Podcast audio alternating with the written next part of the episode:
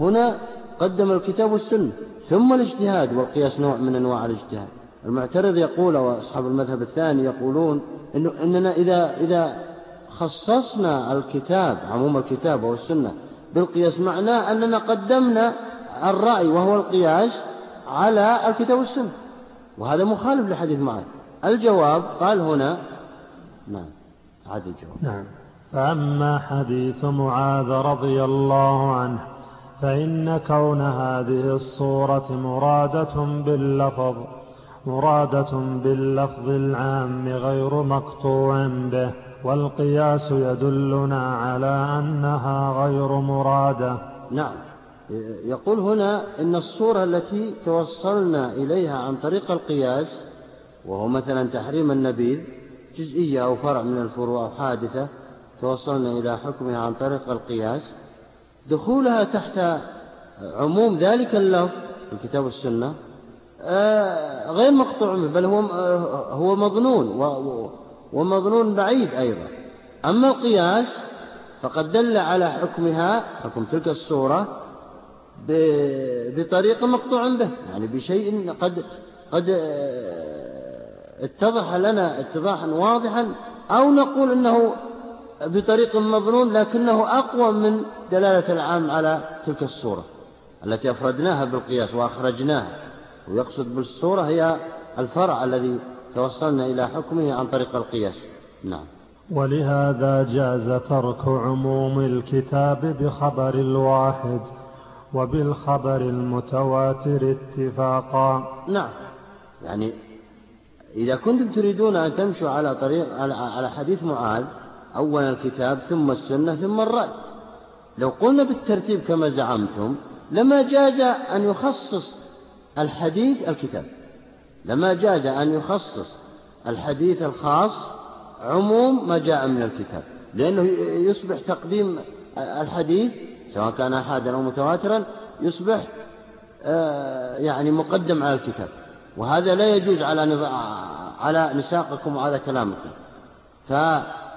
فما دام أنه جاز تقديم السنة على الكتاب في التخصيص فيجوز تقديم القياس أو خاصة القياس آه، آه، على عموم الكتاب والسنة. لا فرق بينها كلها أدلة شرعية. نعم.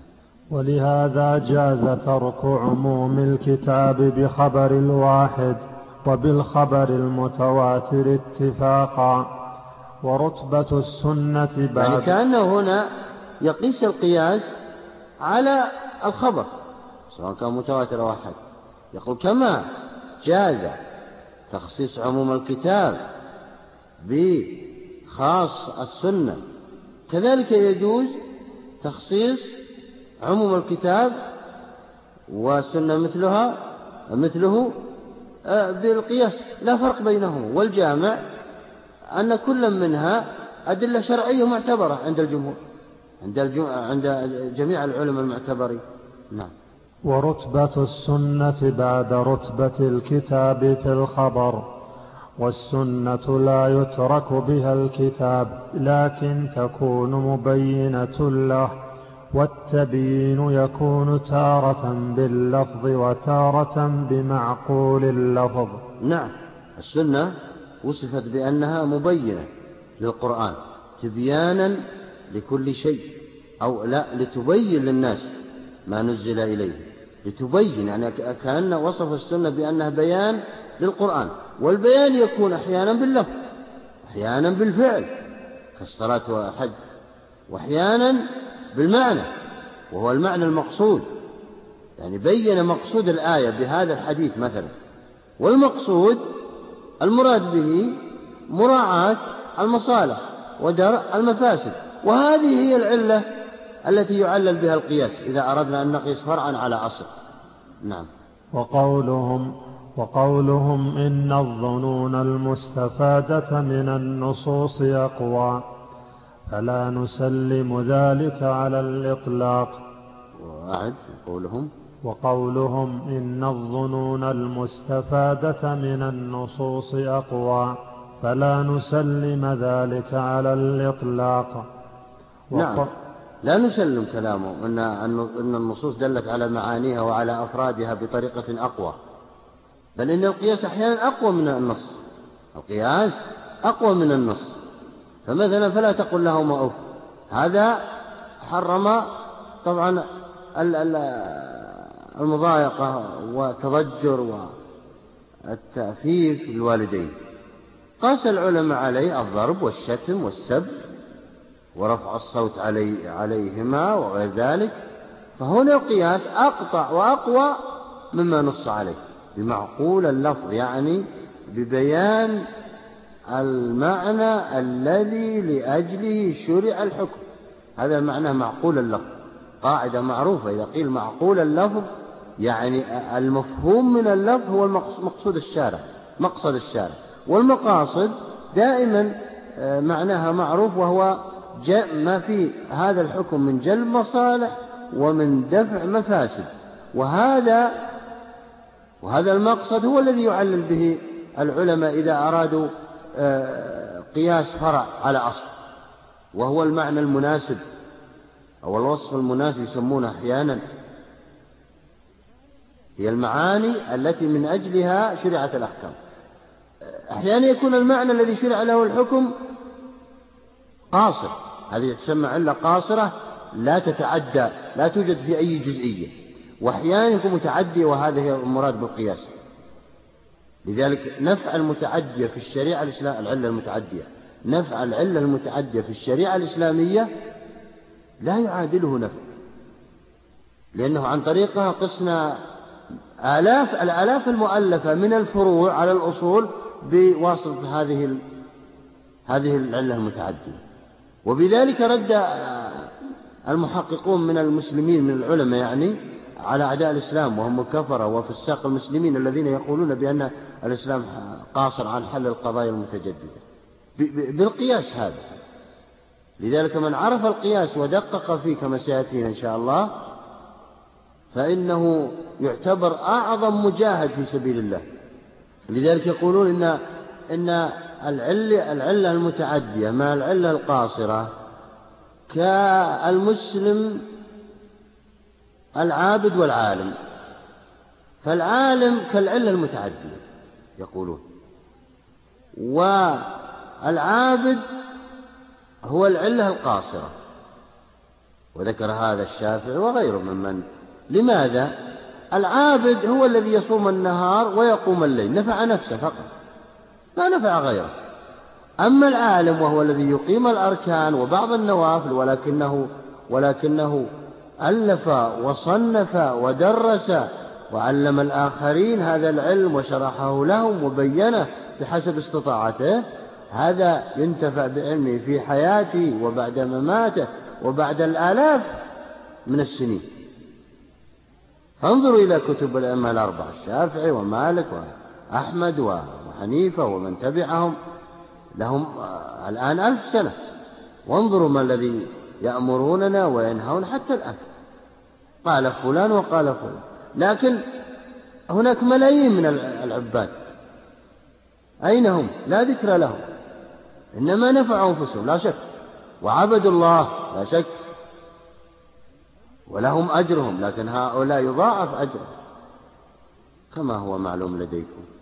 فالقياس من كما سيأتينا إن شاء الله من أعظم العلوم الشرعية. بل لا يعلم أي علم إلا به حتى العقيدة. ترى العقيدة مرتبطة بأصول الفقه مع القياس. لأنه لا نعلم ضعف الأدلة أو قوتها في هذا إلا بأصول الفقه. لذلك الآن ما حصل في في هذا في هذا العصر من خلافات واضطرابات وسب للعلماء وقتال من قيمهم وتكفيرهم والعياذ بالله وكفر من قبلهم البخاري وغيره وغيره مما من العلماء كما هو معلوم لديكم. هذا كله من جهلهم في أصول الفقه.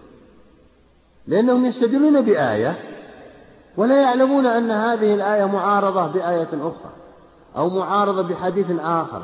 كيف الجمع بينهما؟ فهم كمن يستدل بقوله تعالى ويل للمصلين. ويقف هنا.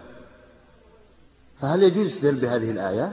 لا يجوز إلا إذا قرأ ما بعدها أبدا. هذه طريقتهم في هذا العصر ولاحظوا ماذا يقولون. يستدلون بحديث قد ضعف أو أن دلالته ضعيفة. أو معارض بمفاهيم ومنطوق كم حديث وكم آية. لكن لا يعترفون بالمفاهيم ولا يعترفون بالمنطوق الآيات والأحاديث ولا يعترفون بالأقيسة ولا لذلك يأخذون بظواهر هذه النصوص ويستدلون ويقولون نحن قد حكمنا وعلمنا وهذا هي الطامة الكبرى وهذا الذي يريده أعداء الإسلام تعالى ما يريدون أكثر من هذا. أنهم يكون الناس آه، يعني آه، يكونون سطحيين في في في أخذهم من الكتاب أو السنة أو نحو من ذلك. بل ينشرون هذا وينشرون نفع هذه السطحية وأنهم يقرؤون ما أثر عن فلان وعن فلان فقط بدون التعمق في المقاصد والتعمق في أصول الفقه. يريدون هذا. نعم وقولهم لا يترك الأصل بالفرع. وقولهم لا يترك الأصل بالفرع. قلنا هذا القياس فرع نص آخر لا فرع النص المخصوص به. نعم. هم الآن زعموا زعما يدل على جهلهم. الجمهور قالوا إن الحكم الذي توصلنا إليه عن طريق القياس وهو فرع قيس على أصل. هذا الفرع يخصص عام آخر غير الأصل الذي قيس عليه. متصور المسألة؟ هم ظنوا أن هذا الفرع خصص أصله. هذا ظنهم ودليلهم مبني على ذلك. نقول لهم أبدا. صححوا المفاهيم عندكم أن هذا الفرع الذي قسنا على ذلك الأصل لا نخصص به أصله لأنه لا يجوز تقديم الفرع على أصله وهذا قاعدة قطعية. بل إنه يخصص أصلا آخر يخصص عاما آخر نصا آخر. مثل الآن ابن حزم وجهله بالقياس والمفاهيم حيث أنه لم يفقه مقصد الجمهور زعم بأنه في كتبه أنهم المشعوذين والقياسين كما سيأتينا في باب القياس وأنهم أولى الناس بالنار والعياذ بالله له سلاطة لسان غريبة رحمه الله لكن يكفيه أنه ترك ما لذ وطاب. من دور الوزراء لأنه كان أبوه وزير وترك كل شيء لطلب العلم. يكفي هذا. ترك كل شيء. وطلب العلم عن كبر لما كبر سن. المهم لم ي... هو يظن أن القياس عقلي مجرد. يقول لا دخل للعقل في الشرعيات لو فهم مقصود الجمهور وهو أن مقصود وهو أن القياس نص وشرعي لا يخرج عن الكتاب والسنة. لو دقق فيه ما قال تلك ال... ما قال ذلك الكتاب كله وهو الأحكام في صلح الأحكام. ألفه لأجل الرد على الجمهور. نعم. قلنا هذا القياس فرع نص آخر لا فرع النص المخصوص به. لاحظت مفهوم العبارة؟ يعني. والنص يخص تارة بنص آخر وتارة بمعقول النص. نعم هذا تأييد لما سبق. وهو أن النص الوارد في الكتاب والسنة يخصص بنص آخر أو يخصص بمعقول النص وهو المقصود وهو القياس. معقول النص المعنى الذي لأجله شرع الحكم. ثم يلزم أن لا يخصص عموم القرآن بخبر الواحد وقولهم هو منطوق به. ثم يلزم أن نعم. ثم يلزم أن لا يخصص عموم القرآن بخبر الواحد. لماذا يلزم هذا اللازم؟ لماذا؟ لأنه لأنه ظن. نعم. يعني يلزم من كلامكم أن أن القياس لا يخصص يلزم منه أن خبر الواحد لا يخصص. لماذا؟ لأن لأنهما يجتمعان القياس وخبر الواحد بالظنية. نعم يلا. وقولهم هو منطوق به. قلنا كونه منطوقا به أمر مظنون. فإن العام إذا أريد به الخاص كان نطقا بذلك القدر وليس نطقا بما ليس بمراد. نعم. هم قالوا هناك في, في بعض أدلتهم إن النص منطق به والقياس مأخوذ من المفهوم وهو معقول. فلا يقدم المفهوم والمنطوق والمعقول يقدم على المنطوق. المنطوق أقوى منه. هم قالوا هناك. نقول لهم إن المنطوق به هنا عام ودلالة العام ظنية والظن يقابله ظن القياس فيخصص القياس الظني العام الظني يقوى على ذلك.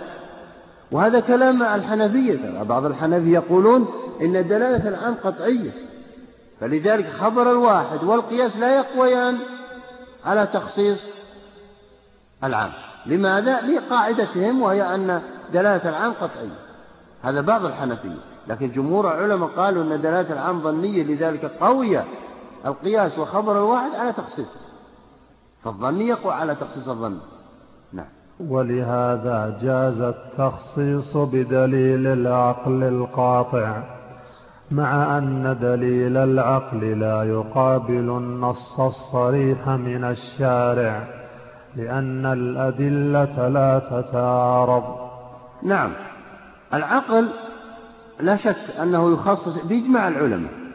فكون الصلاة قد أوجبت على المسلمين أقيموا الصلاة عامة لعقلائهم ومجانينهم وصبيانهم وغير ذلك. جاء العقل وخصص المجانين والصبيان وأخرجوهما عن هذا النص. فلم يكن الصحابة يأمرون هؤلاء بالصلاة والعقل خصصهم لعدم إدراكهم للمقاصد من هذه الأعمال ولعدم صحة النية منهم. لا يعلمون من هو المكلف ومن هو ولماذا كلفه بهذا التكليف وكيفية العمل وما مقصود الأقوال والأفعال في هذه الصلاة الركوع والسجود. فلذلك لا يكلفون بهذا والذي لا يعلم هذه الأمور مثلهم ترى لا يكلفون. فلذلك لا يجب على كل إنسان أن يعلم المقاصد من كل ركعة ومن كل قول يقوله ومن كل دعاء يدعو به. أما أنه يصلي كما يصلي الناس هذا غير صحيح وهو بين الناس. لا بد أن يتعلمها ولكن الناس الآن شغلوا بما هم. فالعاقل خصص هذه الأمور. قبل ورود النص الذي هو رفع القلم عن ثلاثة عن الصبي حتى يبلغ وعن المدى حتى يفيق إلى آخره. فهم خصم. فيقول إن العقل يخصص النص. مع مع كون النص قطعي أحيانا. النص قطعي. أقيموا الصلاة. واضح. ومع ذلك العقل يخصصه. فلذلك يقول إن القياس القطعي أو القياس الظني القوي يخصص العام لا فرق بينهما. هذه العبارة. ولذلك. نعم. ولهذا جاز التخصيص بدليل العقل القاطع. مع أن دليل العقل لا يقابل النص الصريح من الشارع لأن الأدلة لا تتعارض. فصل. لأن الأدلة لا تتعارض قطعية خصصوها بالقطعية وإلا الظنية تتعارض. إذ لو لا يوجد تعارض في الشريعة لما وجدت هذه الاختلافات الآلاف المؤلفة من الاختلافات؟ بين العلماء في هذه الأحكام الشرعية. إنما لا تتعارض الأدلة القطعية. نعم. فصل في تعارض العمومين. إذا تعارض عمومان فأمكن الجمع بينهما. طبعا تعارض العمومان هنا في في في في نظر المجتهد وليس في الحقيقة. إذا تعارض العمومان نصان عامان تعارضا. في في نظر المجتهد فقط وتعارضهما في الأدلة الظنية فقط. أما الأدلة القطعية فلا يوجد بينها تعارض. نعم. نعم. في نظر المجتهد فقط فيما ظهر للمجتهد. وللطوفي كتاب اسمه آه، تعارض أو بيان ما ظاهره التعارض من الآيات. كتاب قديم قد حقق الظاهر لي. نعم. يعني هناك بعض الآيات متعارضة يظهر للقارئ أنها متعارضة وفي الحقيقة أنها ليست متعارضة. حصرها الطوفي وبينها. نعم. فصل في تعارض العمومين إذا تعارض عمومان. فأمكن الجمع بينهما بأن يكون أحدهما أخص من الآخر فيقدم الخاص؟ نعم هذا لا شك أنه يقدم الخاص كما قلنا فيما سبق وهو مذهب الجمهور. إذا وجد نص عام ونص خاص فإننا نقدم النص الخاص وما ونعمل به ونعمل بما بقي بعد التخصيص سواء كان النص الخاص من الكتاب أو من السنة علمنا التاريخ أو لا لم نعلم التاريخ هذا مذهب الجمهور. وهناك آه، طبعا أقوال العلماء آه، في هذه المسألة كثيرة. نعم. أو يكون أحدهما يمكن حمله على تأويل صحيح والآخر غير ممكن تأويله.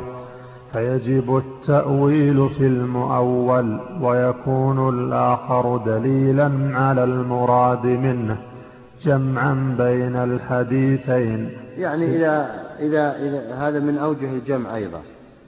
إذا أوجدنا يتعارض نصان ووجدنا مخرجا لأحدهما ونؤوله على شيء معين فإننا نعمل بهذا التأويل ونخرجه عن التعارض.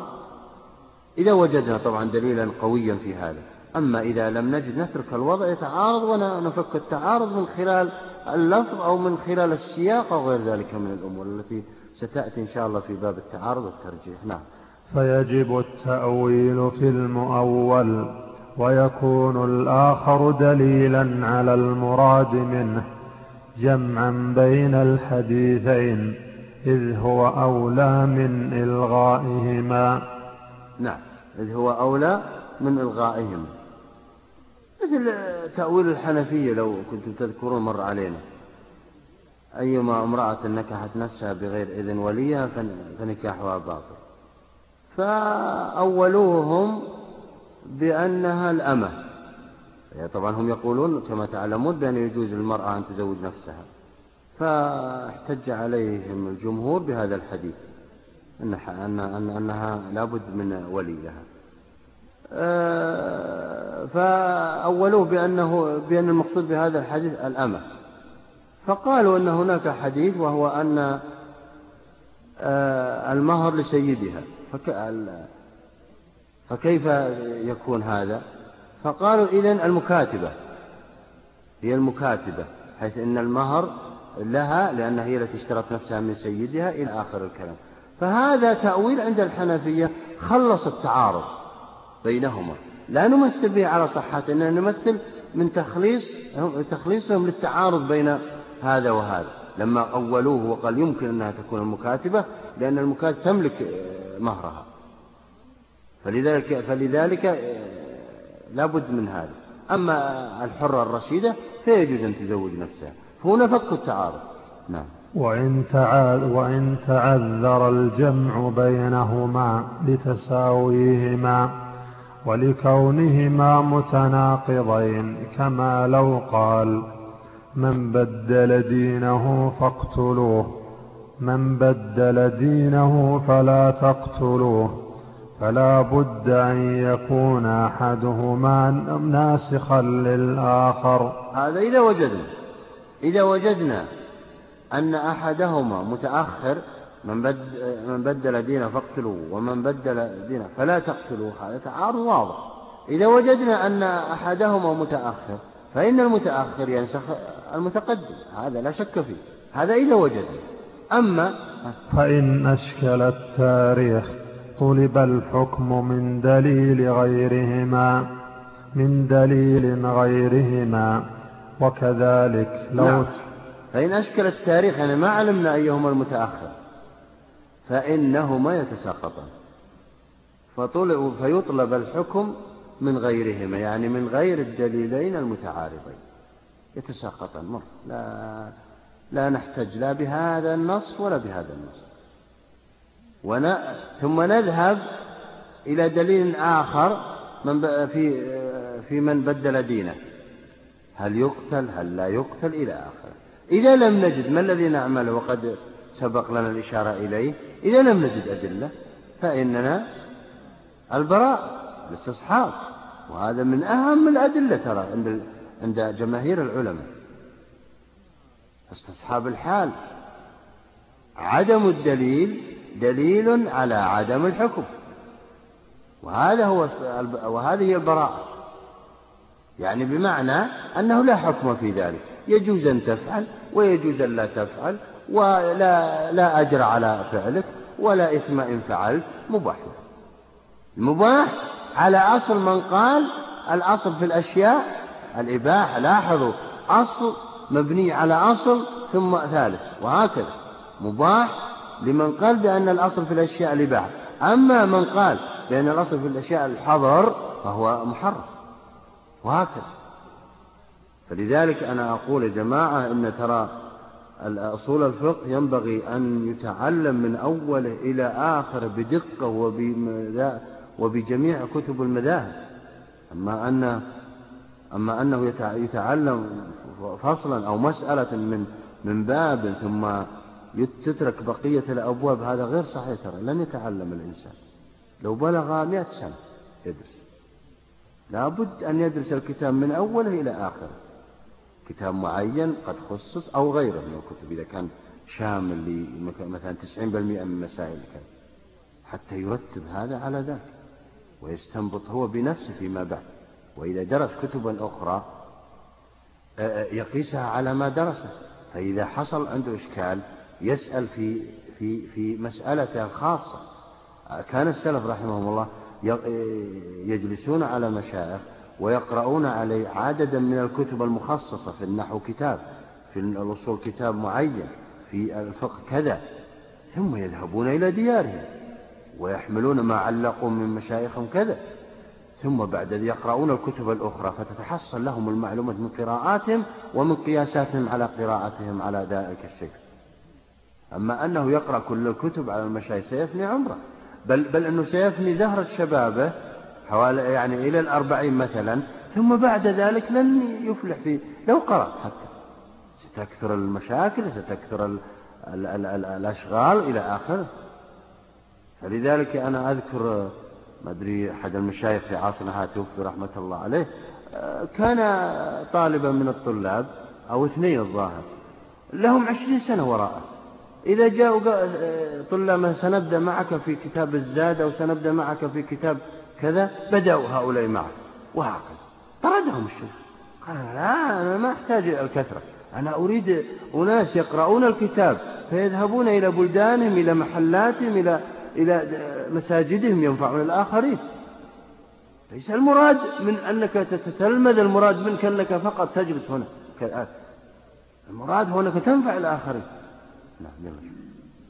وكذلك لو تعارض عموما كل واحد عام من وجه خاص وأهم شيء يا جماعة الفهم فهم المسائل لأجل لأجل قياس ما سيدرسه وما سيأتي فيما بعد عليه.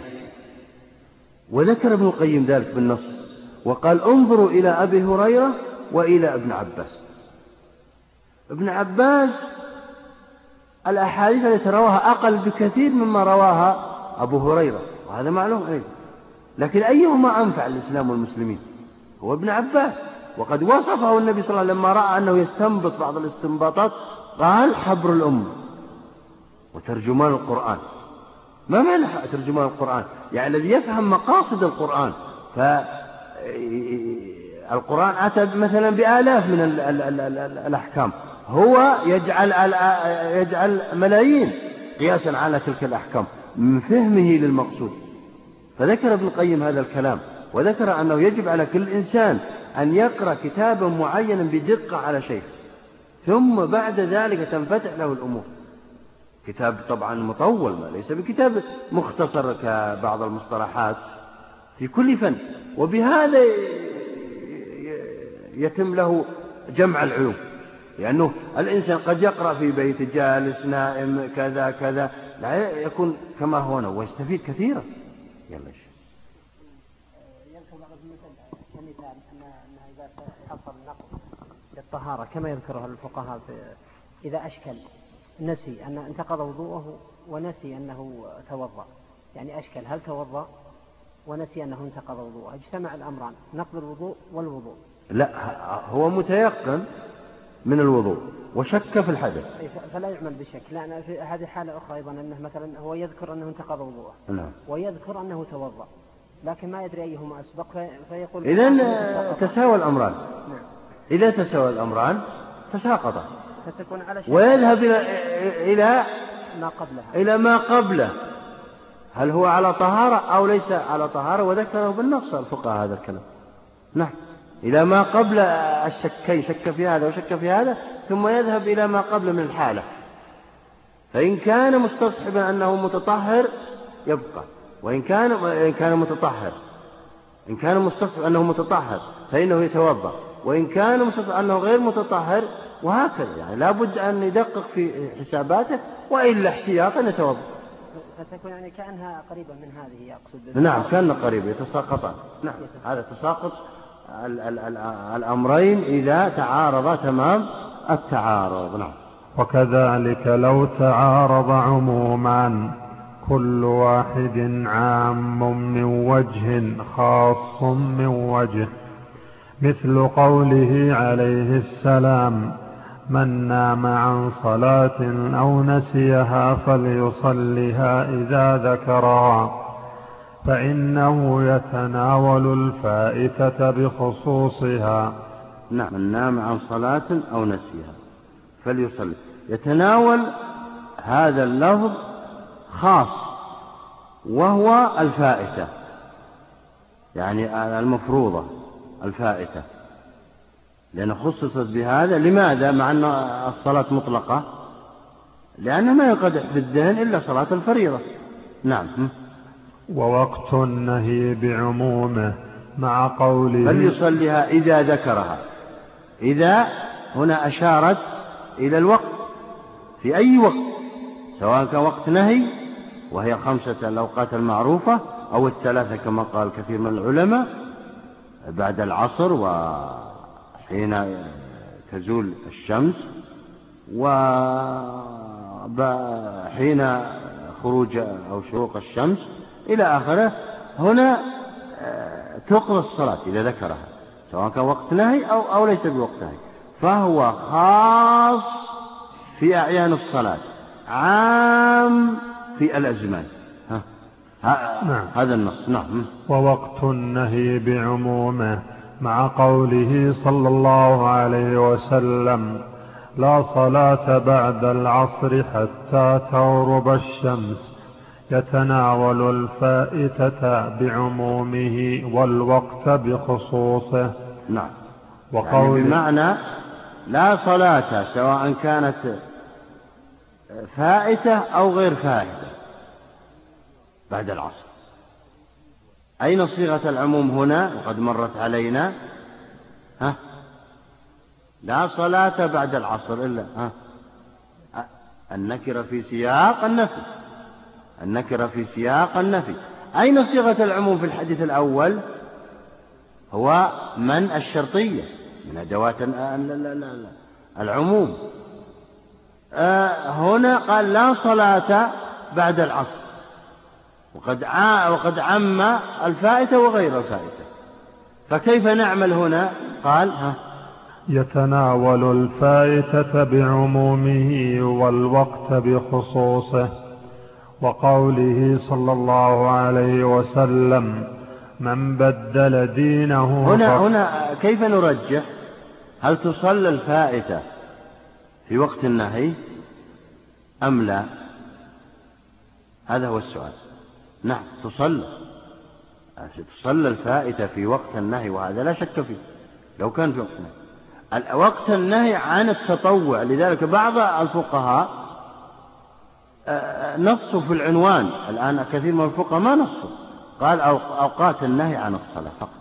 هو أوقات النهي عن صلاة التطوع. هو هذا العنوان الصحيح. نعم.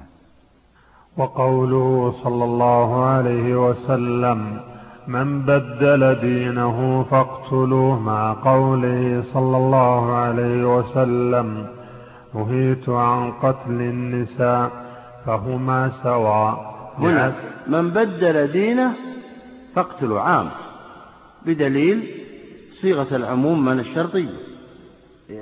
يعني يقتل الرجل والمرأة.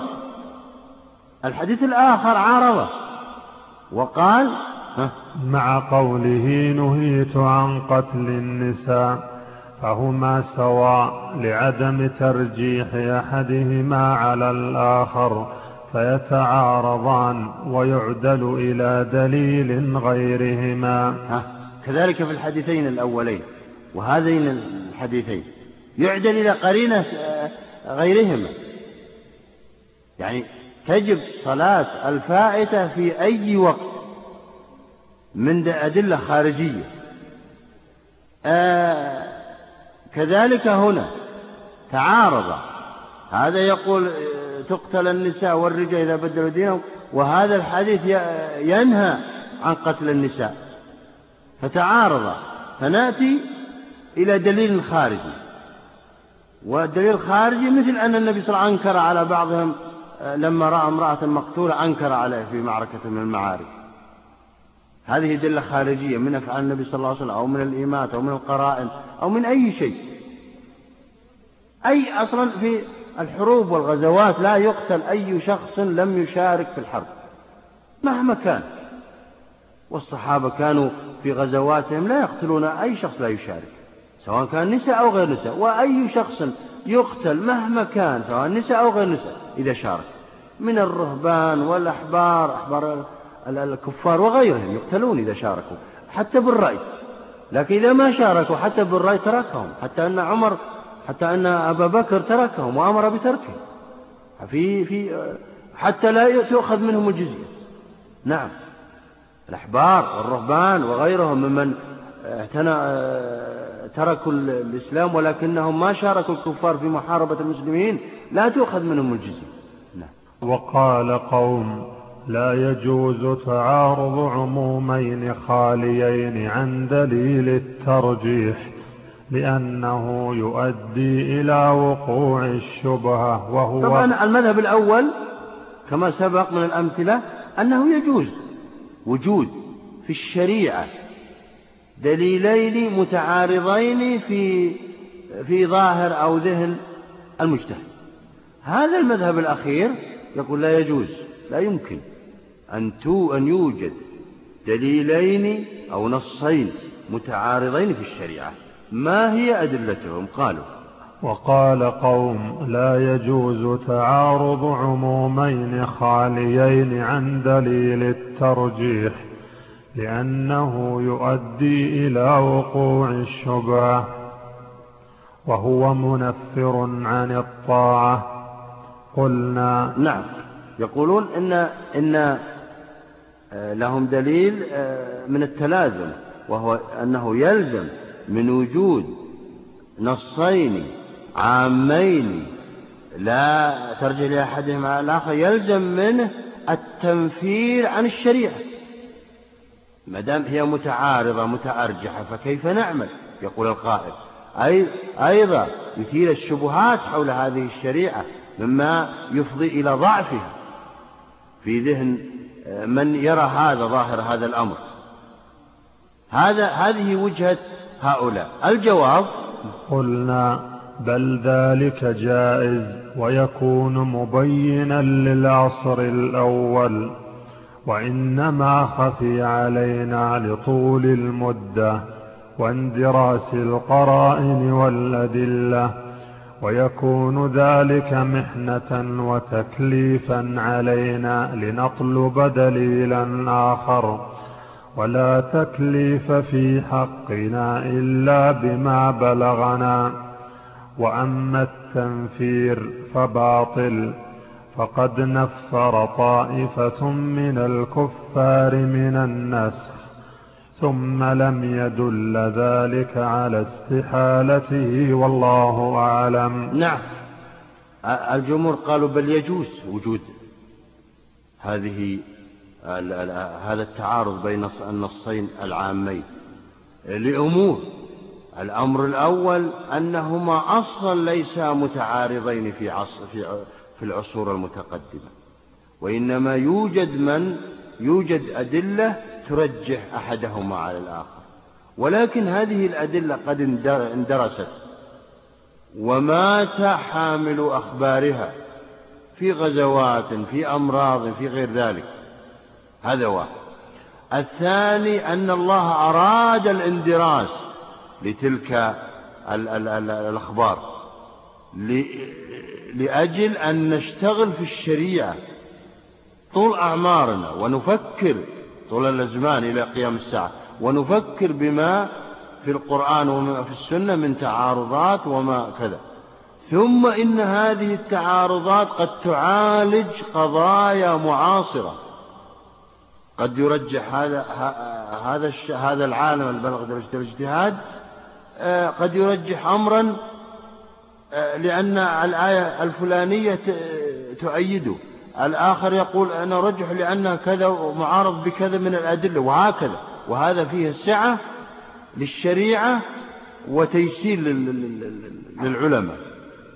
ثم قولكم إنه منفر. هذا غير غير صحيح. فقد لما نزل القرآن أول ما أنزل نسخ بعضه نسخ بعض الآيات. ومع ذلك ما وقعت الشبهة التي تذكرونها أنتم. لم يقل أحد بأن القرآن بأن الله بدأ يكذب صاحبه كما قال. بدأ يكذب الرسول صلى الله عليه وسلم أو أن هذا الرسول يختار ما يشاء ويقول دعوا ما تشاء دعوا ما نشاء. لا كذا لم يقع هذا. فلم يأتي شخص دخل الإسلام لما رأى الناسخ والمنسوخ نفر عن هذا الدين وترك هذا الدين. لم يروى هذا الأمر. بل زادهم تمسكا بالشريعة حيث أن أنه ورد ورد هذا اللفظ بأول الإسلام لأنه مناسب لهم أول الإسلام. فلما تمكن الإسلام من قلوبهم نسخ هذا الأمر الأول ليؤمروا بشيء أغلظ لأن الإسلام قد تمكن من قلوبهم كذا مثل طريقة آه، يعني آه، تحريم الخمر. فكانوا معتادين على الخمر. لا يمكن لو جاءت آية وحرمت الخمر مباشرة لكان هذا فيه نفور ورد فعل عندهم. إنما أولا بين أن وصف الرزق بأنه حسن. هذا واحد. ثم بعد ذلك قال إن في فيه فيهما منافع ومضر والمضر أكثر. هذا اثنين. ثم بعد حرم الخمر في أوقات الصلوات فقط. وغيرها يجوز. لا تقربوا الصلاة وأنتم سكارى ثم بعد ذلك حرم أربع مرات وهو مراعاة لهم. بعضهم يقول ما فائدة النسخ والناسخ والمنسوخ إلى آخر. لا له فوائد عظيمة وقد بينا بعضها آه، كما سبق. نعم. فصل في الاستثناء. نعم بدأ لما فرغ من من المخصصات المنفصلة بدأ الآن بالمخصصات المتصلة وهي الاستثناء والصفة والشرط والغاية. يعني متصلة بالكلام. فيما سبق يأتي العام يأتي العام ثم بعد مدة يأتي الخاص. إما نص أو من كتاب وسنة أو يأتي من مفهوم أو قياس أو غير ذلك من الأمور. هنا لا. هنا يأتي المخصص بنفس الكلام مع العام في الحال. فبدأ بالاستثناء لأنه أهم أهم المخصصات المتصلة وقد اختلف العلماء في مسائل كثيرة جدا في هذا الأمر في خاصة في الاستثناء لأنه لأن دخل في الفروع الفقهية كثيرا. قد يتساءل آخر وقد سئلت كثيرا عن أن الأصولين ما يكثرون الأمثلة إذا أوجدوا قواعد مثل ما سبق من من من القواعد السابقة من المخصصات. قد يتساءلون أو تتساءلون هذا السؤال. نعم. لأن هذه القواعد الأصولية قد استعملت في الفروع وأكثر منها في الفروع الفقهية وكتب الفقه. فإذا عادوا الأمثلة نفسها ها معنى أعادوا الفقه وهم لا يريدون هذا. حتى أن بعض المالكية في تأليفاتهم تجدونهم يضعون أصول الفقه في أول كتب كتبهم الفرعية حتى يكون مقدمة له. وقد أنا أعدت الأمور إلى نصاب إن شاء الله فيما قدرت عليه. وهو في مصنف سيصدر إن شاء الله. وهو تيسير مسائل الفقه شرح الروض المربع وبيان قواعد الأحكام الأصولية والفقهية وبيان مقاصدها وأسباب الاختلاف فيها. يعني آه، آه، جعلت كل فرع وألصقت بقاعدة الأصولية وبينت هذه القاعدة. الفقهاء كانت واضحة القواعد لذلك ما نصوا عليها. كما مثلنا في قراءتنا للكافي لابن قدامة ما نصوا عليها. تجد الواحد يقرأ عدة أسطر يقول أين القاعدة الأصولية؟ تقول أصول فقه. وهو في الحقيقة كل سطر فيه ثلاث قواعد أصولية أو أربع قواعد لو دققتم النظر. لكنهم ما أرادوا يسودوا الصحف في شيء معلوم لديهم لكن في هذا العصر كثرة الأسئلة لذلك نزلت الأحكام الفرعية على قواعدها الأصولية بتنصيص على أساس يتبين أنه أصول فقه حقيقة الآن تجدون الطلاب يقولون إن الفقه في وادي والأصول في وادي وهذا غير صحيح نعم. نبدأ في نعم.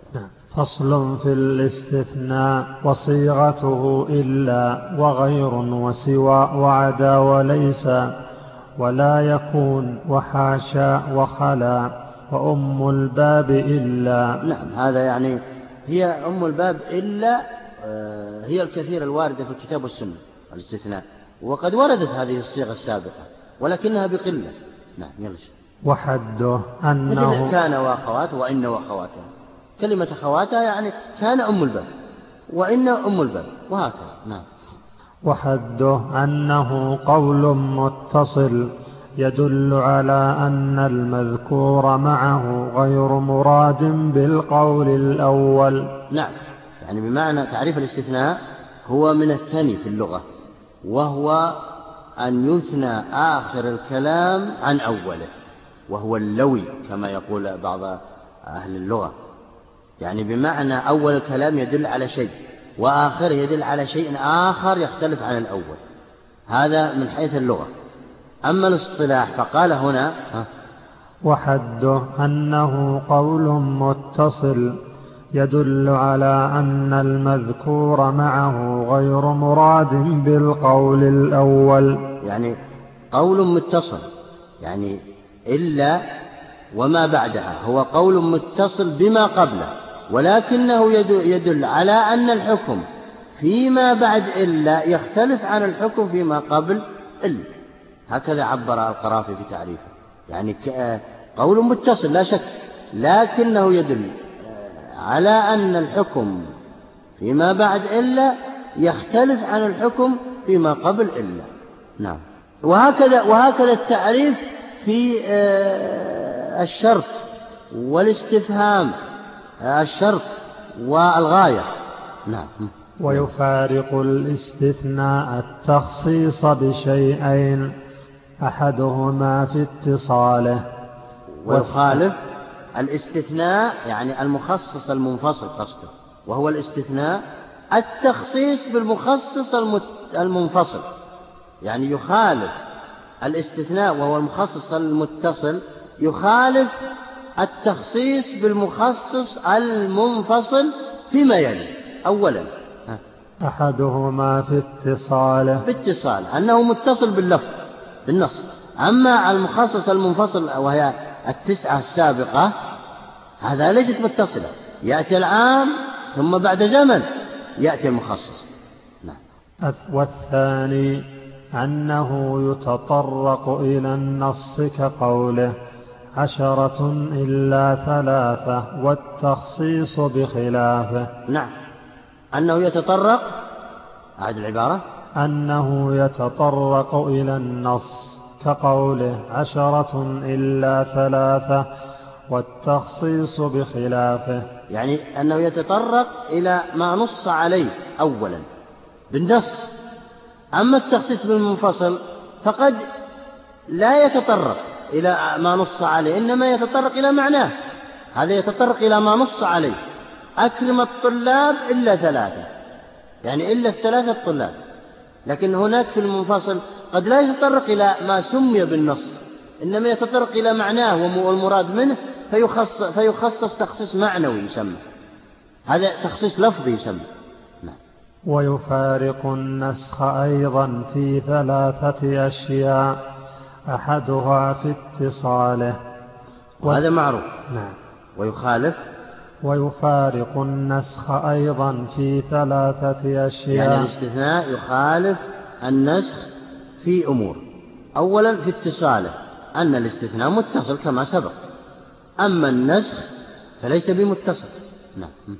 والثاني أن النسخ رافع لما دخل تحت اللفظ. على هذا. صلى الله عليه. وسلم هذه أمور منفصلة عن بعضها؟ الله يجزاك. نعم. بسم الله والحمد لله والصلاة والسلام على رسول الله. نبدأ من حيث وقفنا يا شيخ.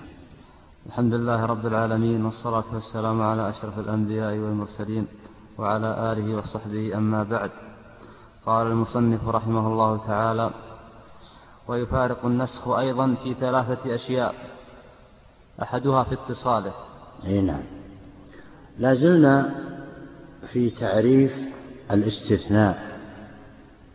وأنتم تعلمون كما قلنا سابقا وكررناه أن التعريف لا يتم تعريف الشيء لا يتم إلا إذا فرقنا إذا بينا أولا حقيقته ثم فرقنا بينه وبين ما يشابهه. فأولا فرق بين بعد التعريف فرق بين الاستثناء وبين المخصصات المتصلة. لأنه لأن الاستثناء من المخصصات المنفصلة الاستثناء من المخصصات المتصلة وفرق بينه وبين المخصصات المنفصلة لأنه فيه تشابه بينهما. ففرق بينهما من وجهين أو ثلاثة نعم. أحدها في اتصاله. نعم. نعم. أحدها في اتصاله. التفريق بين نعم الأول اقرأ من أول من أول شوف ويفارق النسخ أيضا في ثلاثة النسخ؟ أشياء. آه انتهينا من نعم نعم. إذا يفارق النسخ من ثلاثة أوجه. الوجه الأول الاستثناء لأنه يشابهه حيث إن النسخ تخصيص بالأزمان. ونحن نتكلم تخصيص الأعيان. والاستثناء من المخصصات والتي تخصص الأعيان. ففرق بين النسخ وبين الاستثناء. لأن كل منهما يجتمع في في شيء وهو التخصيص. لكن النسخ تخصيص بالأزمان يعني اعملوا بذلك الحكم في ذلك الزمان ثم يأتيكم الناسخ فينسخ العمل ويقول لا تعملوا في الزمان الثاني في ذلك الحكم اعملوا بالحكم الجديد. آه، كذلك هنا الاستثناء فهو مخصص للأعيان بمعنى يخرج بعض الأعيان من أن تدخل في الحكم. نعم.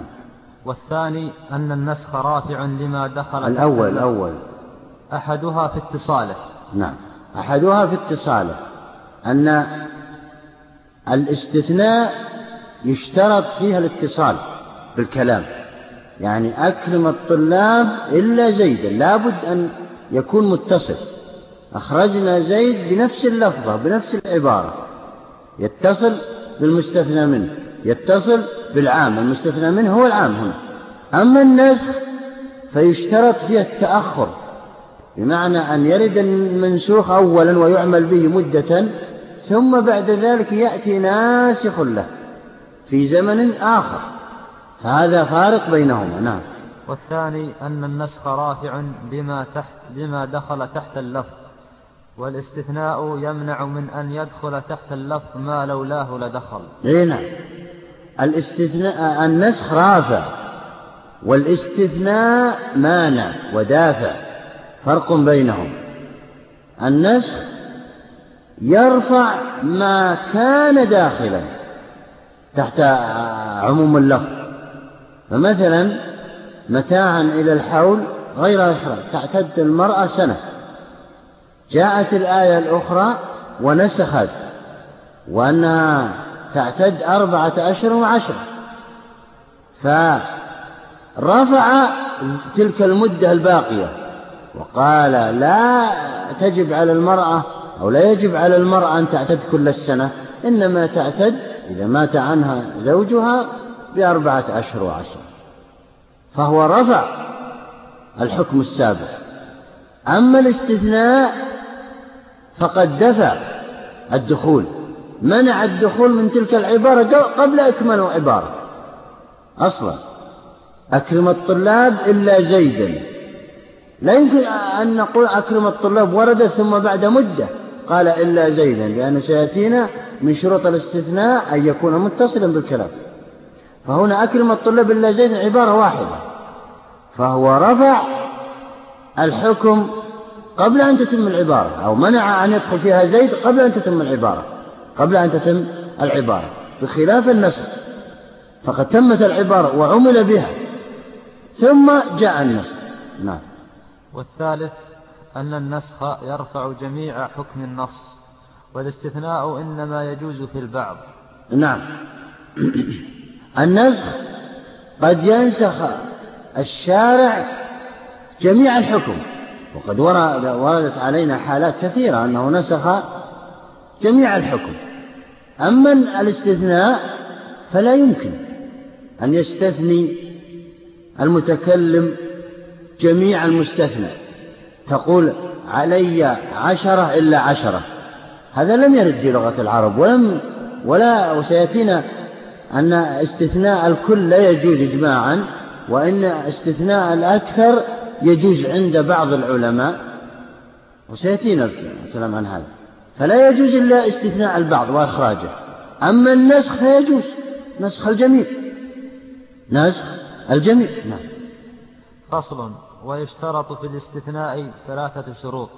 قد يقول قائل ما قيمة بحث الاستثناء؟ له قيمة عظيمة يا جماعة لأنه من دلالات الألفاظ من دلالات ألفاظ الكتاب والسنة. يعني الاستثناء ورد في الكتاب والسنة كما ستأتينا أمثلته الآن في شروطه.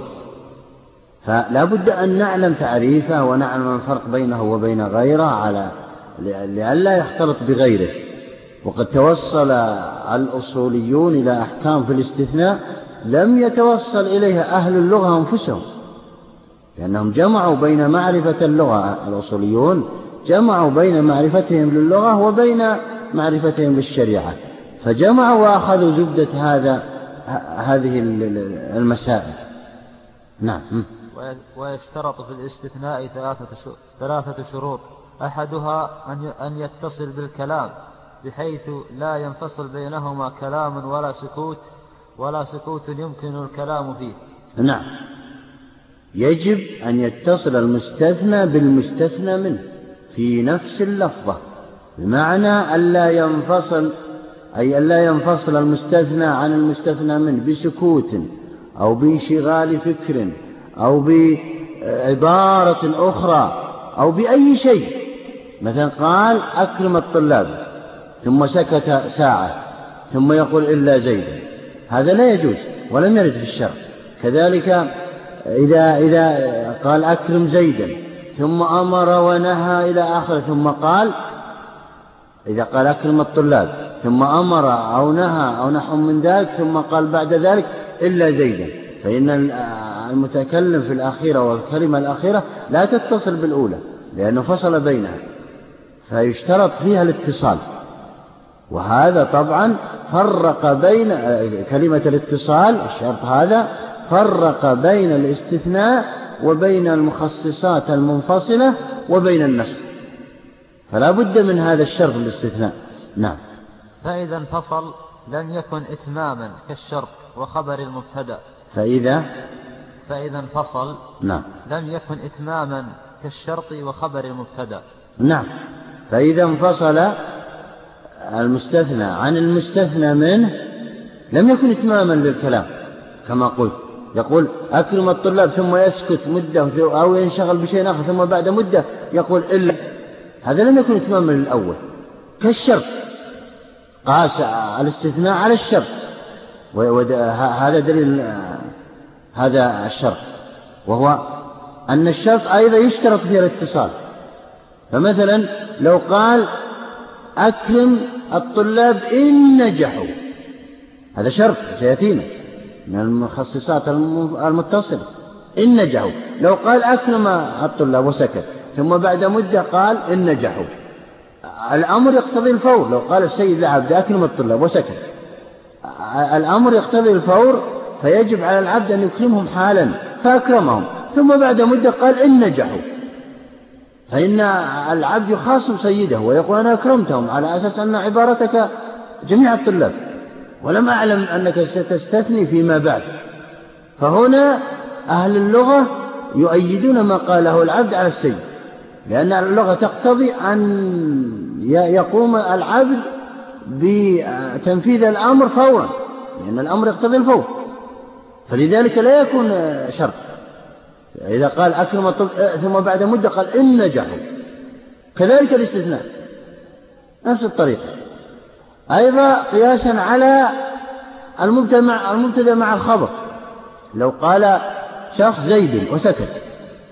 ثم بعد ذلك حكم عليه بالقيام. قال زيد قائم بعد مدة أو بعد كلام منفصل. هذا لا يسمى خبر. لا يمكن لأنه لأن الكلام لم يتصل. فيشترط في المبتدأ والخبر أن يتصلان مع بعض.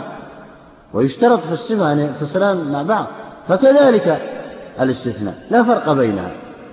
والجامع والجامع أن العبارة لا تتم إلا بذلك إلا بهذا الاتصال. نعم. أعد العبارة. قال أحدها أحدها أن يتصل بالكلام بحيث لا ينفصل بينهما كلام ولا سكوت يمكن, يمكن الكلام فيه. لأنه جزء من الكلام يحصل به الإتمام. فإذا انفصل لم يكن إتماما كالشرط وخبر المبتدأ. فإنه لو قال أكرم من دخل داري ثم قال بعد شهر إلا زيدا لم يفهم. يعني لم يفهم لم يفهم أنه يريد تخصيص زيد وإخراجه عن الإكرام. ولا يمكن أن يأتي أن يقول عربي متعلم باللغة العربية ودقيق فيها مثل هذه العبارة. نعم. كما لو قال زيد ثم قال بعد شهر قائم. نعم. لم يعد خبرا وكذلك الشرط. نعم. يعني قاس على المبتدا والخبر. فلا يمكن أن يقول قائل زيد ثم يسكت مدة طويلة ثم يقول قائم ويعتبر نفسه أنه ذكر مبتدا وخبر. فكذلك الاستثناء لا فرق. نعم. وكذلك الشرط. وحكي عن ابن عباس أنه يجوز أن يكون منفصلا. نعم. حكي جواز انفصال المستثنى عن المستثنى عنه وعبر بكلمة حكي. عبر بهذه اللفظة وحكي. كلمة حكي معناه أن المصنف كلمة إذا جاء مصنف وقال حكي عن فلان قول من الأقوال فإن الحكاية تضعيف. تضعيف للقول أولا وثانيا أن أنه يستبعد أن ابن عباس أن القائل هذا وهو ابن عباس هنا يستبعد أنه يقول مثل هذا هذا الكلام. يستبعد استبعادا يعني قويا لأنه كيف؟ لا يشترط هذا الشرط مع أن الكلام يجب أن يتصل. وذكرت هذا وكررته أن كلمة حكي وقال وقيل وزعم لها لها دلالات إذا ذكرها المصنفون نعم. حكي عن ابن عباس أنه أنه يجيز الاستثناء المنفصل.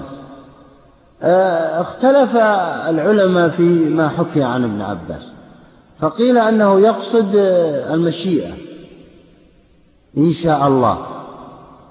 فقال يجوز أن الإنسان يتكلم بكلام يعزم عليه ثم بعد ذلك بعد مدة يقول إن شاء الله ويعود إلى ذلك. وهذا استثناء يعتبر يعتبر استثناء وإن كان في لفظ الشر أو إلا ما شاء الله أو غير ذلك من العبارات. ولكن بعضهم قالوا أبدا آه، أنه ذكر غير هذه العبارة بمعنى أنه لا يشترط الاتصال. نعم. وعن عطاء والحسن جواز تأخيره ما دام في المجلس. نعم. يقول طبعا المذهب الأول أنه لا بد من اتصاله في المجلس أو في غير مجلس. أما أصحاب المذهب الثالث هنا يقولون أنه يؤخر بشرط أن يؤخر المتكلم المستثنى بشرط أن يكون في المجلس. يعني لم يتعدى أو لم يفارق من تكلم عليه. في مجلس العقد إذا كان هناك عقود في مجلس أي شيء كذا إنما لا لم يفارق المجلس. فيجوز. مثلا يقول أكرم الطلاب ثم يجلس مدة وبرهة ويسكت ويقول إلا زيد وهو جالس هذا يجوز عندهم. نعم. وأومى إليه أحمد رحمه الله في الاستثناء في اليمين. نعم. أومى إليه الإمام أحمد في بعض الفروع. والإيماء هي الإشارة كما قال بعضهم أومى الإمام أحمد إلى هذا المذهب. يجوز انفصال المستثنى عن المستثنى منه إذا كان في المجلس. في اليمين إذا حلف الإنسان يمينا ثم قال إلا كذا إذا قال مثلا علي آه، والله إن علي لفلان عشرة دراهم ثم وهو في المجد ثم بعد مدة قال إلا ثلاثة دراهم فإنه يجب عليه سبعة. يكون مقرا بسبعة. هذا أومى إليه الأحمد في باب الإمام أحمد في باب اليمين. نعم. والأولى ما ذكرناه. والأولى ما ذكرناه وهو اتصال المستثنى بالمستثنى منه في نفس اللفظة في في في المجلس وفي غير المجلس في اليمين وفي غير اليمين مطلق. نعم. الشرط الثاني أن يكون المستثنى من جنس المستثنى منه. طبعا الأولى ما ذكرناه واستدل بالقياس هناك. قالوا كما يشترط اتصال الخبر بالمبتدأ وكما يشترط اتصال الشرط بالمشروط فكذلك يشترط اتصال المستثنى بالمستثنى. نعم. الشرط الثاني ثم إن في دليل آخر وهو أن المصلحة تقتضي يعني تقتضي اتصال المستثنى بالمستثنى منه. لأن لأنه إذا ذكر المستثنى اللفظ العام ثم بعد ذلك استثنى بعد مدة فإنه يوهم بأن الكلام المستثنى الذي أتى بعد مدة لا يتصل بالأول. وقطعا لهذا الإيهام وقطعا لاختلاف المتبايعين إذا كان المكان مكان تبايع أو إقرار فإنه آه، يتصل لذلك لو قال شخص لو قال شخص علي لفلان عشرة دراهم وسكت ثم بعد بعد مدة قصيرة أو طويلة غير تنفس غير ضروري يعني. الضروري يجوز الانفصال اتفق العلماء على هذا. مثل تنفس مثل سعال غلبة مثل آه، مجيء دابة أو مجيء آه، شيء يعني آه، سبع وهو يتكلم ثم قطع كلامه. لابد أن يعيده إذا انتهى الضرورة. هذا اتفق العلماء على أن يجوز انقطاع للضرورة. لكن إذا قر شخص أن عليه لفلان عشرة دراهم ثم بعد مدة قال إلا ثلاثة. اختلف العلماء في هذه المسألة. هل المقر به سبعة أم عشرة؟ فقال من يشترط الاتصال في المجلس وفي غير المجلس قالوا إن عليه عشرة لأنه يشترط الاتصال ولم يوصل المستثنى المستثنى منه. وقال بعضهم إنه أقر بسبعة عليه لفلان سبعة يجب عليه أن يدفعها له. لماذا؟ لأنه استثنى والاستثناء والاستثناء يقبل وإن كان منفصلا إذا كان في المجلس كما هو عن الإمام أحمد كما سبق. نعم. لذلك هذا الشرط له أثر. نعم. الشرط الثاني أن يكون المستثنى من جنس المستثنى منه. نعم.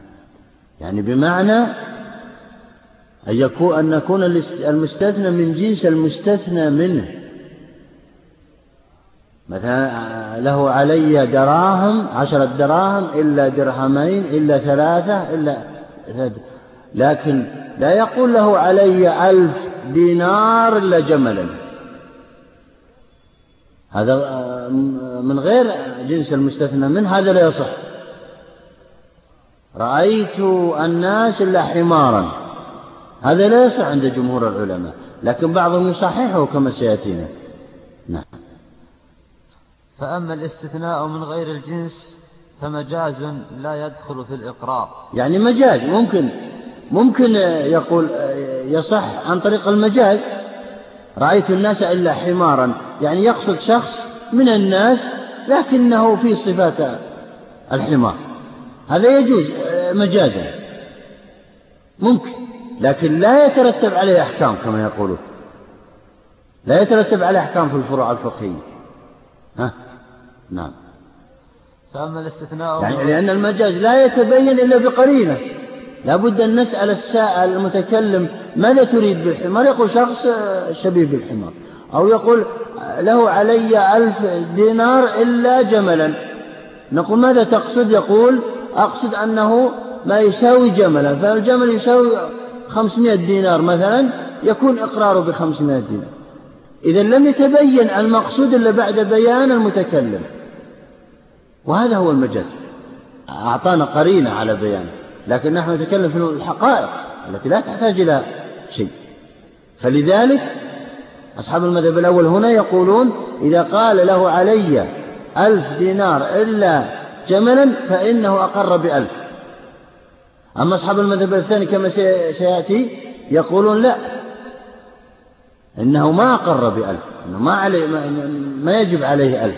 يجب عليه ما بقي بعد خصم, خصم ثمن الجمل وهذا طبعا يقع فيها الاختلاف ويقع علينا المصلحة ودفع, ودفع المفسدة. آه، تقتضي أن لا يجوز آه، استثناء الاستثناء من غير الجنس لأن يقع الاختلاف فيه. لأن الجمل يكون هل هو الجمل من أغلى الجمال أو من أوسطها أو من أقلها؟ هل كذا إلى آخره يختلف باختلاف البيئات وفي المجتمعات ثمنه أو ثمن أي بهيمة يعني. نعم. فأما الاستثناء من غير الجنس فمجاز لا يدخل في الإقرار ولو أقر بشيء واستثنى من غير جنسه كان استثناؤه باطلا. نعم. كان استثناؤه باطلا يعني كما مثلنا. إذا أقر بألف دينار وقال إلا جملا أو إلا ثوبا أو إلا سيارة مثلا إذا كان يأتي بهذا الثمن فإن المقر به هو الألف. ما يخصم منه أي شيء. نعم. وهذا قول بعض الشافعية وقال بعضهم ومالك وأبو حنيفة وبعض المتكلمين يصح. وقال بعضهم بعض الشافعية يعني الضمير يعود إلى آخر. نعم. قالوا يصح هؤلاء. يصح الاستثناء من غير الجنس. ما هي أدلتهم؟ لأنه قد جاء في القرآن واللغة الفصيحة. نعم. قال الله تعالى لا يسمعون فيها لغوا إلا سلاما. إلا سلاما. يقولون يزعمون وسيأتينا في الرد أن إلا هنا بمعنى لكن. لكن آه بمعنى لكن ولكن هذه استدراك وليست استثناء. هم يزعمون بأن إلا هنا. آه المراد منها أداة استثناء الأصلية أم الباب كما سماها المصنف وهي حقيقة أم الباب. آه يقول إلا سلامة سلامة غير اللغو. لا يسمعون فيها لغوا إلا سلامة. فهنا استثنى السلام من اللغو والسلام غير اللغو يقولون. لو لم يجز لما وقع في الكتاب وسيأتينا الجواب عن هذا نعم. وقال تعالى ولا تأكلوا أموالكم بينكم بالباطل إلا أن تكون تجارة عن تراض أي نعم. أيضا هذا. الباطل غير التراض وهكذا نعم. وقال تعالى وما لأحد عنده من نعمة تجزى إلا ابتغاء وجه ربه الأعلى. نعم. نفى بالأول وبعدين أثبت. وهذا الإثبات غير لأن الاستثناء من النفي إثبات. وهذا الإثبات غير النفي هناك. وسيأتينا الكلام عن هذا. نعم. وقال الشاعر في نقاط أحسن الله إليكم. اقرأ الهامش. أكملت الأبيات. نعم. وقفت في وقفت فيها أصيلانا أسيلانا أصيلانا أسائلها عيت جوابا وما بالربع من أحد. عيت جواب يعني أبدا تجيب في البراري ها؟ إلا الأواري لأياما. لأيا. لأيا ما أبينها. نعم. والنوي كالحوض بالمظلومة الجلد. هو يقصد من هذه الأبيات أنه كان في صحراء ولم يجبه أحد. كان ينادي وينادي لم يجبه أحد. يقول وما بالربع من أحد. هو وما بالمكان من أحد. إلا الأواري. الأواري هي نوع من الغزلان أو نوع من الحيوانات البرية. فهنا يقول إن الشاعر قد استثنى الحيوانات من أحد الناس. هو يريد أنهم لا يوجد أحد من الناس. فهذا استثناء هذا لغوي يقول استثنى الحيوان من الإنسان والحيوان غير الإنسان ليس من جنس الإنسان. نعم. هناك بيت. وبل وبلدة ليس بها أنيس إلا اليعافير وإلا العيس. أي نعم كذلك هنا. إلا اليعافير وإلا العيس. يعني هو أنيس يقصد الذي يؤانسه من بني الإنسان. اليعافير هذه حجارة والعيس هي نوع من الجمال. فيقول إن أنه لا يوجد إنسان إلا هذه الأمور. وهنا الشاعر وهو عربي قد استثنى من غير الجنس. هذا يدل على أنه يجوز لأن الاستثناء لغوي يقول القائل هنا أصحاب هذا المذهب. يقولون إن الاستثناء يؤخذ عن طريق أهل اللغة وأهل اللغة قد استثنوا من غير الجنس نعم. ومثله كثير. نعم. ولنا أن الاستثناء إخراج بعض ما ولنا. بدأ يستدل على مذهبه وهو أنه لا يجوز استثناء أو الاستثناء من غير الجنس قال ها؟ ولنا أن الاستثناء إخراج بعض ما يتناوله المستثنى منه بدليل أنه مشتق من قولهم ثنيت فلانا عن رأيه وثنيت العنان فيشعر بصرف الكلام عن صوبه الذي كان يقتضيه سياقه. نعم. دليل أصحاب المذهب الأول وهو أنه لا يجوز الاستثناء لا يجوز الاستثناء من غير استثناء يعني من غير الجنس. دليلهم يقولون إن الكلام واحد إن الكلام واحد. فلا وهو مصروف عن بعضه يعني ما بعد إلا قد صرف الكلام عن بعضه. وليس من غير الجنس ولا نأتي بشيء جديد إنما صرفنا دلالة اللفظ عن بعضه بعبارة إلا وثنيناه عنه بدليل آه، يعني ثني العنان أو لوي العنان وهي عنان الفرس نلويه نلويها لأجل أن يقف. بعض الخيل أو نحو من ذلك إذا لوي العنان في أي شيء لو لم يربط يقف. فهذا والعنان منه وتوقف بعدما كان يمشي. فكذلك هنا يقولون في هذا في هذه الدلالة وهي أن الكلام لويناه من عن بعض عن أن يواصل فيه الحكم يكون عاما. أكرمت الطلاب إلا زيد. فبدل من أقول أكرمت الطلاب جميعهم لوى دلالة الإكرام عن زيد وصرف عنه أعد الدليل مرة أخرى. نعم. ولنا أن الاستثناء إخراج بعض ما يتناوله المستثنى منه. إخراج أكرم الطلاب. الآن تناوله اللفظ. فأتينا بإلا وأخرجنا بعض بعض ما تناول ذلك وهو زيد منهم أخرجناه. ولوينا وصرفنا دلالة اللفظ عنه. جميعهم يكرمون إلا هو. بدليل أنه مشتق من قولهم ثنيت فلانا عن رأيه وثنيت العنان.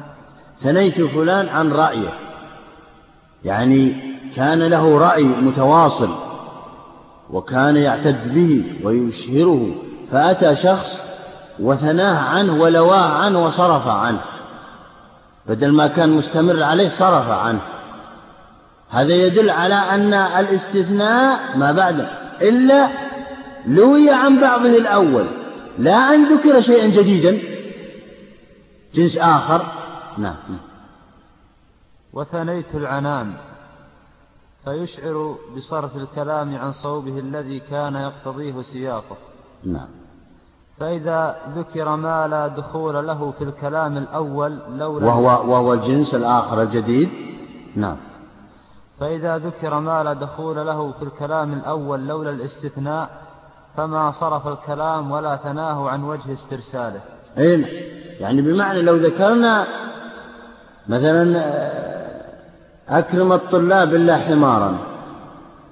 ذكرنا لكلمة حمار ما تدل على أننا لوينا وصرفنا الأول وثنينا الكلام الأول عن الآخر. أبدا.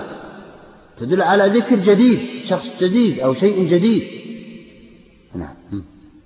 فتكون تسميته استثناء تجوزا. نعم. يعني بمعنى استثناء غير الجنس تكون تجوزا. قد يجوز لكن مجازا. كما قلت يقول إلا حمارا بمعنى أن طالب يشبه الحمار من حيث تصرفاته فيكون مبينا من المتكلم. فنحتاج إلى قرينة. ونحن نتكلم عن الحقائق عن دلالات الحقائق وليس عن المجازات. المجازات تحتاج إلى قرائن. نعم. فتكون تسميته استثناء تجوزا باللفظ عن موضوعه وتكون إلا ها هنا بمعنى لكن. نعم. قال هذا ابن قتيبة. تقول آه نعم نعم أكمل. وتكون إلا ها هنا بمعنى لكن. يعني بمعنى هذا جواب يعني إذا ورد استثناء من غير الجنس قاعدة. لا تكون إلا هي الاستثنائية المعروفة وإنما تكون بمعنى لكن. وهذا كلمة لكن في جميع النصوص السابقة التي استدل بها أصحاب المذهب الثاني وسيأتي نعم. قال هذا ابن قتيبة وقال هو قول سيبويه. ابن قتيبة قال إن إنما ورد في النصوص سواء كانت في الكتاب والسنة أو الشعر أو النثر عن العرب إنها بمعنى لكن ونقلها ابن قتيبة عن سيبوي وهم المرجع في اللغة ونحن نتكلم عن باب في اللغة. نعم. وقاله غيرهما من أهل العربية. نعم. وقال ذلك غيرهما من أهل العربية يعني بمعنى بعد استقراء وتتبع كلام أهل اللغة أن ذكر غير الجنس بعد إلا هذا يدل على أن إلا قاعدة عندهم أن إلا هنا بمعنى لكن وليست بمعنى إلا أم الباب وهي الاستثناء نعم وليست يعني نعم جملة استئنافية نعم. فإذا كانت بمعنى لا استدراكية كأنه استدراك أخف من الاستئناف نعم. فإذا كانت بمعنى لكن لم يكن لها في الإقرار معنى فلم يصح أن ترفع شيئا منه فتكون لاغية. نعم يعني بمعنى لا دخل لها في الكلام الأول. لا دخل لها في الكلام الأول. إذا قال علي ألف لزيد إذا قال شخص إذا قال زيد مثلا علي ألف لعمر إلا جملا يكون الجمل لا دخل له في الكلام الأول. فيكون المقرر به ألف ولا يخصم ثمن الجمل من المقر به. لأن معنى إلا هنا لكن قد يقول لكن جملا علي جملا آه، قد يعني أعطيته إياه أو نحو من ذلك يريد أن يتكلم بكلام آخر. يستأنف أو يبين أن هناك قصة أخرى بينه وبين عمرو نعم سيأتي الظاهر ذكرهم. وتكلم العلماء هنا. لا إبليس أبى واستكبر يقولون أن إبليس هو استثناء من غير الجنس ولكن أجابوا عنه. وقالوا أن إبليس من الملائكة. كان نعم. فإذا ولكنه فعل أعمال فحط عن منزلتهم. نعم. فإذا كانت بمعنى لكن لم يكن لها في الإقرار معنى فلم يصح أن ترفع شيئا منه فتكون لاغية. نعم. فإن لكن إنما تدخل الاستدراك بعد الجحد والإقرار ليس بجحد فلا يصح فيه. نعم يعني بمعنى أنه يقر ثم بعد ذلك يستدرك بعض الأمور الأشياء التي قد تنفعه في أمور أخرى لكن لا دخل لها في الاستثناء الأول أو في الكلام الأول. ولذلك لم يأتي الاستثناء المنقطع في إثبات بحال. نعم. الاستثناء المنقطع هو يسمى استثناء غير الجنس استثناء منقطع. يسميه بعضهم الاستثناء المنقطع. يعني بمعنى ما بعد إلا لا دخل له فيما قبله فيما قبلها. هذا قصده يعني قال إذا قال علي علي ألف دينار إلا ثوبا فإنه يقر بالألف ولا يخصم ثمن الثوب ولا دخل ما بعد إلا في أي شيء لما بما قبله لا من قريب ولا من بعيد. فيسمى الاستثناء المنقطع. يعني قطع ما بعد إلا عن أوله.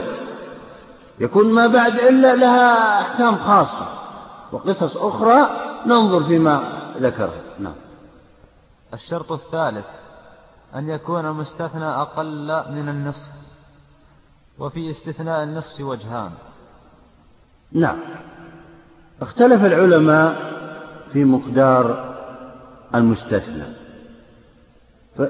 فاتفقوا أولا اتفقوا على أنه لا يجوز استثناء الكل. لا يقول علي عشرة إلا عشرة. هذا اتفقوا عليه. واتفقوا على أنه يجوز استثناء أقل من النصف. يقول علي عشرة إلا أربعة. اتفقوا عليه. اختلفوا في مسألتين. المسألة الأولى هل يجوز استثناء الأكثر أم لا؟ هل يجوز استثناء النص أم لا؟ هل يجوز أن يقول علي عشرة إلا ستة؟ هل يجوز علي يقول علي عشرة إلا خمسة؟ هذا الذي اختلف فيه. هذا الذي اختلف فيه. نعم. وفي استثناء النصف وجهان. نعم. يعني قولا للعلماء ووجهان للإمام أحمد. له علي عشرة إلا خمسة؟ هذا قولا للعلماء. بعضهم قال يجوز وبعضهم قال لا يجوز. نعم. وقال أكثر الفقهاء والمتكلمين يجوز يجوز استثناء الأكثر. نعم. له علي عشرة إلا ستة. يجوز. نعم. ولا نعلم خلافا في أنه لا يجوز استثناء الكل. واتفق العلماء على هذا. نعم. واحتج من جوزه أي جوز الأكثر بقوله أي جوز استثناء الأكثر. بقوله تعالى ها؟ بقوله تعالى فبعزتك لأغوينهم أجمعين إلا عبادك منهم المخلصين. نعم. وقال يقولون إن سيأتي وجه الدلالة. نعم يلا تكلم. وقال تعالى في في أخرى إن عبادي, إن عبادي ليس لك عليهم سلطان إلا من اتبعك من الغاوين. نعم. فاستثنى كل واحد منهما من الآخر وأيهما كان الأكثر حصل المقصود. يقصد أن الغاوين أكثر من المخلصين. فهنا استثنى وهذا وارد واقع الآن. يعني المسلمين كم مليون؟ الحقيقيين طبعا. يمكن خمسة ملايين. لا شك أن الذين يحكمون القوانين الوضعية ليسوا المسلمين. يجعلون كتاب الله وراء ظهورهم ويحكمون القوانين هذا اتفق عليه معروف.